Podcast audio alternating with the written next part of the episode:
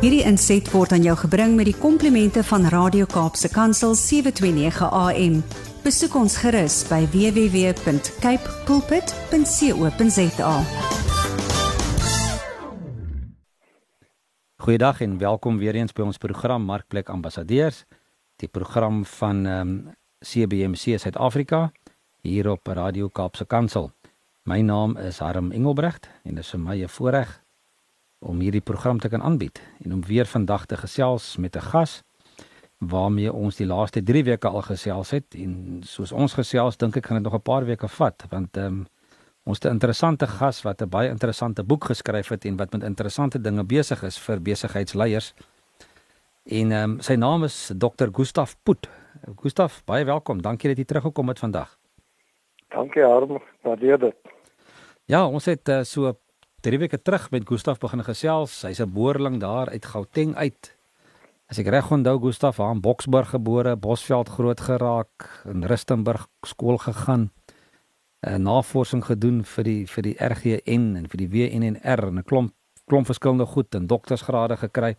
En toe het jy begin boeke skryf. En ehm um, en ons het nou begin gesels oor oor 'n paar van jou boeke wat wat wat nou eers verskyn het. En toe het ons nou verlede week begin praat oor hierdie interessante boek Kingdom Leadership for Organizational Leaders. En Gustav ons nou verlede week 'n bietjie met die mense gesels oor weet wat is die kingdom en hoekom kingdom en hoekom het jy die boek geskryf?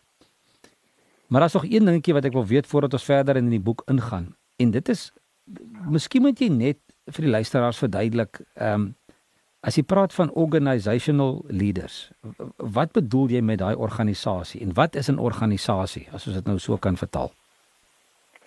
Goed, daarom net voor voor ons ag 'n klein regstelling gee, ek is nie op Rustenburg gebore skoon nie, maar Lichtenburg. L Lichtenburg. Ek tog skus, ek dog ek het gesê Lichtenburg. Jammer. Ja, Lichtenburg. Uh, uh Harm is is eintlik relatief eenvoudig wanneer 'n organisasie tot stand kom. As as 'n enkele persoon ek of jy iets gedoen wil hê, iets wil bereik, iets wil verrig en ons kan dit nie alleen doen nie, maar ons moet iemand kry om ons te help. Op daai oomblik wanneer ons iemand bykry om ons te help om 'n sekere doel te bereik, dan kom daar 'n organisasie tot stand. As ek jou dan gaan vra, help my met hierdie ding, dan gaan ek vir jou sê, ek kan dit doen, doen jy dit asseblief dit of kom ons kom ons besluit saam oor hoe ons hierdie ding gaan doen. Uh maar dis 'n organisasie beteken letterlik uh dat ons die uh die entiteit wat moet uh die ding verrig wat ons wil bereik met organe as ware toerus uh die twee mense in die eerste plek is die orgaan maar dan naderhand natuurlik as dit groter te groter besigheid word word daar nou allerlei ander opbouings bygevoeg. Die en dan is dit nogal baie belangrik om te weet dat uh, in 'n organisasie 'n organisasie is die resultaat van organisering. Hmm. En organisering vind plaas deur kommunikasie. Ons kan nie net weet in stilte met mekaar saamwerk nie. Ons moet mekaar deel wat wat wat wie nou doen en wanneer gaan ons dit doen? Hoe gaan ons dit doen? So organization comes into being through organizing en uh, uh wanneer ons begin met uh, organizing happens through communication dis dis die uh maar dit sê ook baie duidelik dat 'n organisasie is essensie essensieel geskoei op verhoudings tussen al diegene wat die lede is van die organisasie en wanneer die organisasie 'n punt bereik wanneer daar verskillende lae en lyne van leierskap is dan uh, word dit meer kompleks en word die uitdagings vir kommunikasie om onsself te organiseer en seker te maak dat elkeen wat 'n lid van die organisasie is dit wat hy of sy doen en hoe hulle dit doen wat my kort definisie van organisasie uh, uh prestasie is uh word bepaal deur die die soort van kommunikasie wat daar plaasvind tussen leiers en hulle volgelinge in die organisasie. So 'n bietjie meer van die backfall uh Ehm um, maar dis dis die basiese uitgangspunt van organisasie. Ek Gustaf, ek wil net gou so 'n bietjie van 'n van 'n soos hulle sê 'n curveball gooi na jou toe. Ek het nou so 2 weke terug 'n bietjie land bietjie deur reis en ek het van ons CBC groepe en ons gaan besoek en verskeie plekke opgetree en bietjie gesels. En en sodra mens begin praat van 'n organisasie en jy begin praat van 'n struktuur en en en 'n 'n proses waar binne goed gebeur, dan is daar mense wat vinnig vir jou sê nee, maar dit dit moenie so gestruktureerd wees nie. Dit kan maar net so 'n bietjie los ook wees. En en en dan dan dit is my is interessant, dan sê ek vir hulle, maar kom ons gaan kyk gou in die Bybel. Dink julle God is 'n God van orde? Dink jy hy het gehou van struktuur en van orde? En dan is baie mense verbaas om te sien, o, maar weet as ons nou mooi gaan lees, dan sien ons eintlik dat daar baie strukture en organisasies en en en goed is wat georden was in die Bybel en en hoe dit deurmekaar was en toe ordelik wil ek amper sê agter mekaar gesit word en en binne prosesse gebeur het. Wil jy gou bietjie rondom dit iets sê want ek weet jy skryf ook in jou boek van 'n paar voorbeelde wat ons in die Bybel lees. Uh, onder andere van Moses en van Dawid en van Jesus se disippels wat daar regtig ware 'n orde was en en en ek wil sê rangorde nie, maar waar daar 'n struktuur gevorm was om om om goed gedoen te kry.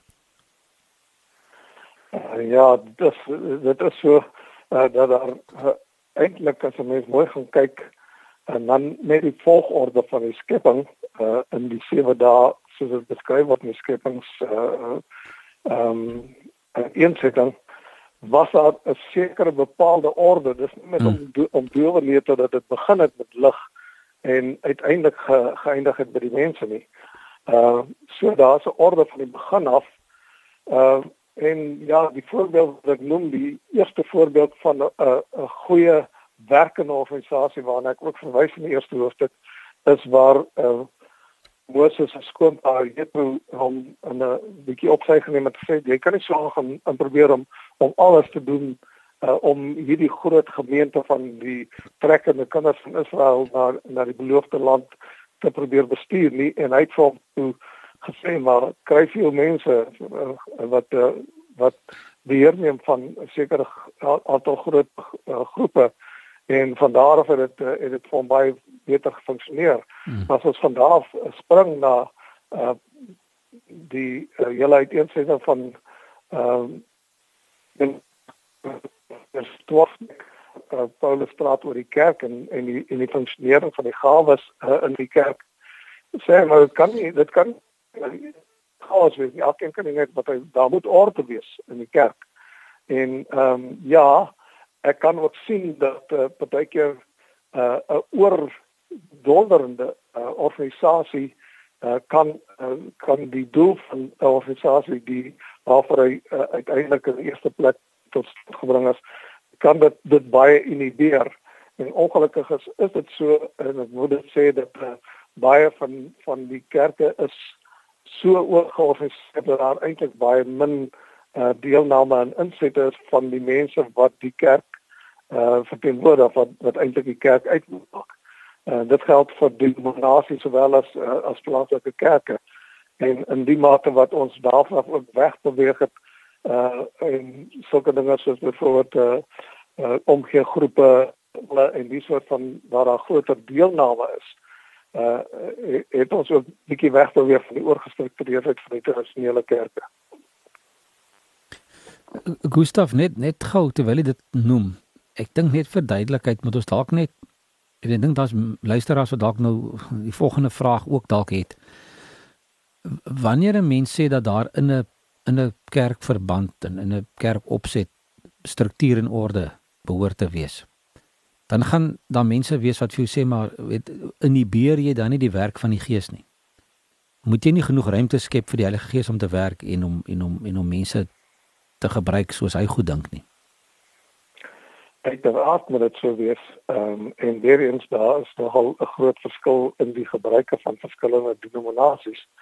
Maar eh uh, dit gaan van eh uh, uh, aan die, aan die een kant word daar vir mense vryheid gegee in sekere kerke om uh, 'n kans te kry om te sê maar uh, die Heilige Gees het, het iets met my gedeel en ek wil dit meedeel aan die gemeente uh, tot uh, ander denominasies waar daar geen sulke geleenthede is nie. Ek wil nie sê daarmee dat die Heilige Gees nie werk in daai soort van kerke nie.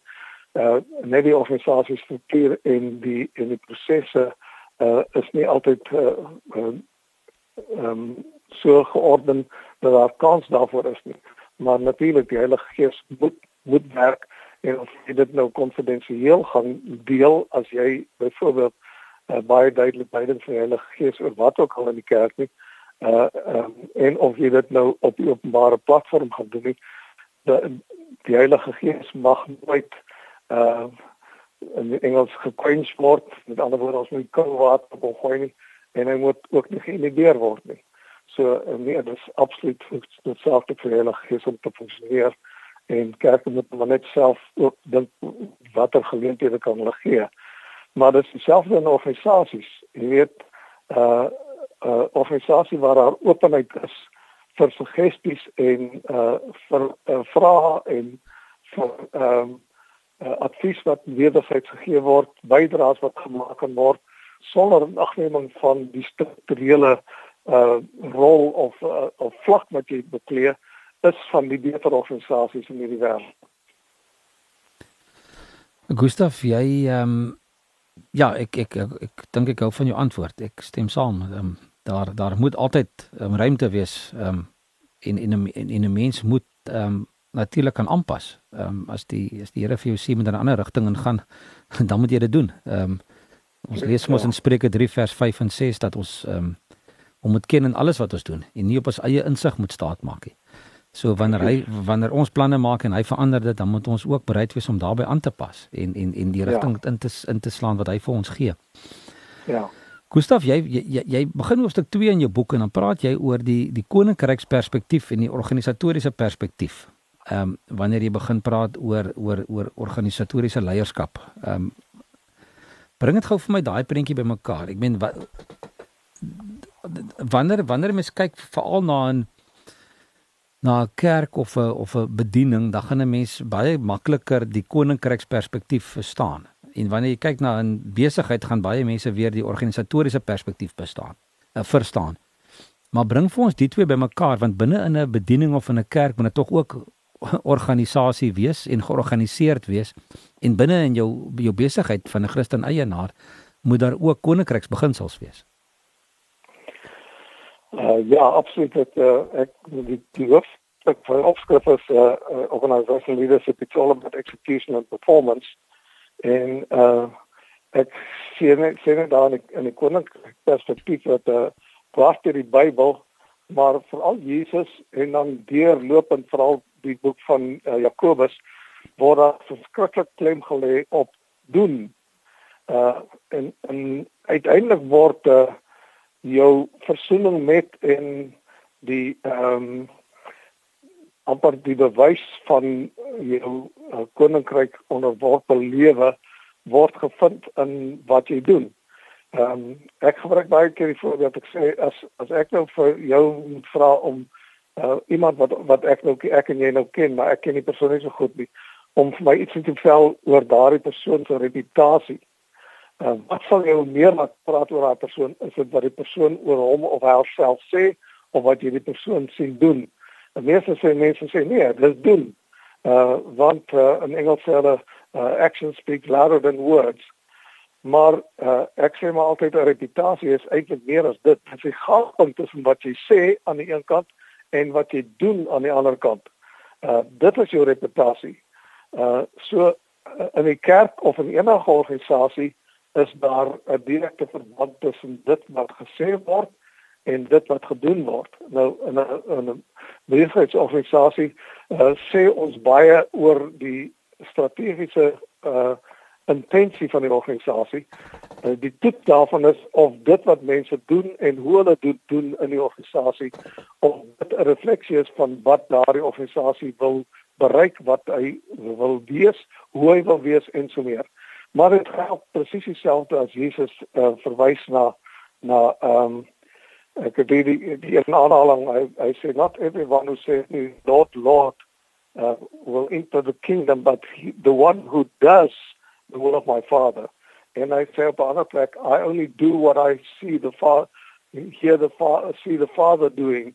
Uh, so doen is baie kern 'n uh, kern tot organisasie. uh, uh ook die koninkryk as organisasie en die kerk as die verteenwoordiging van die koninkryk alles kom uiteindelik terug na wat gedoen word en hoe dit gedoen word.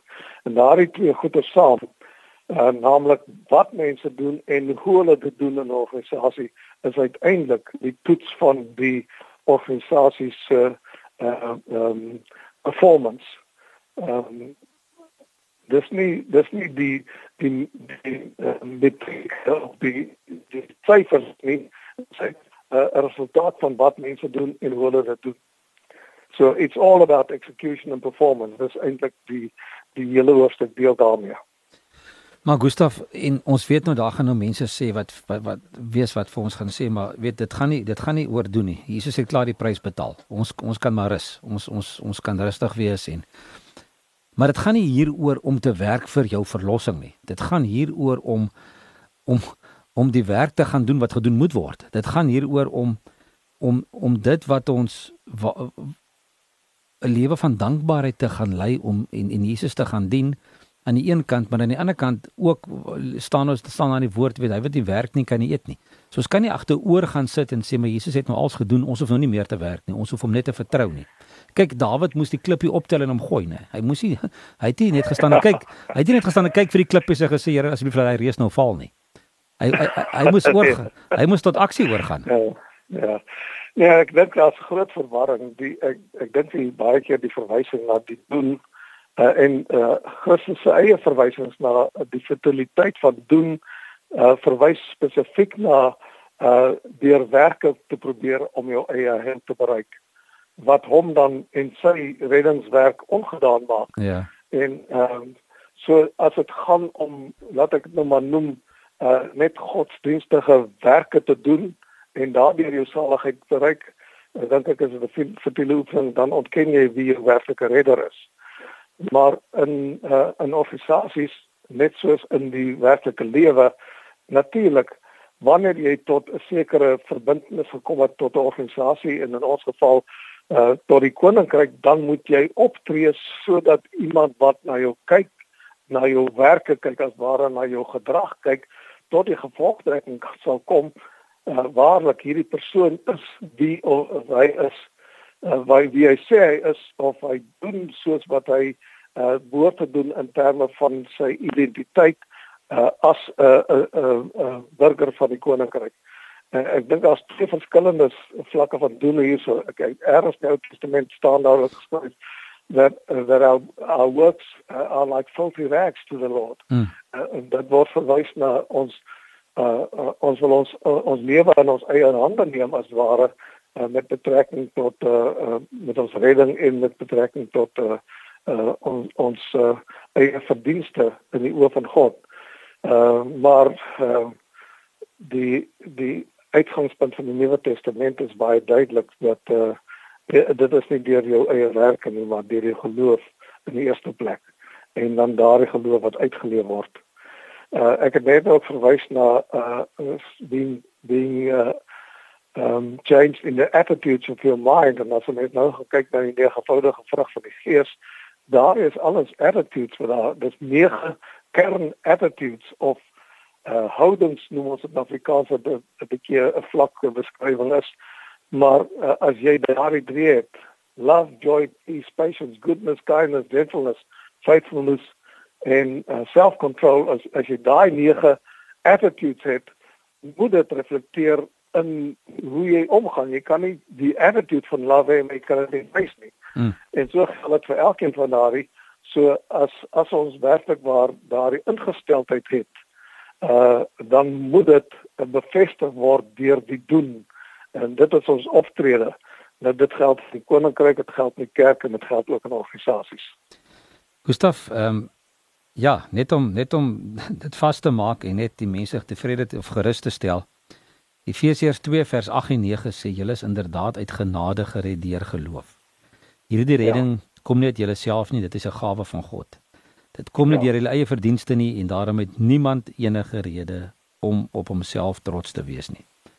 Nee, ja. God het ons gemaak wat ons nou is. In Christus Jesus het hy ons geskep om ons lewe te wy aan die goeie dade waarvoor hy ons bestem het.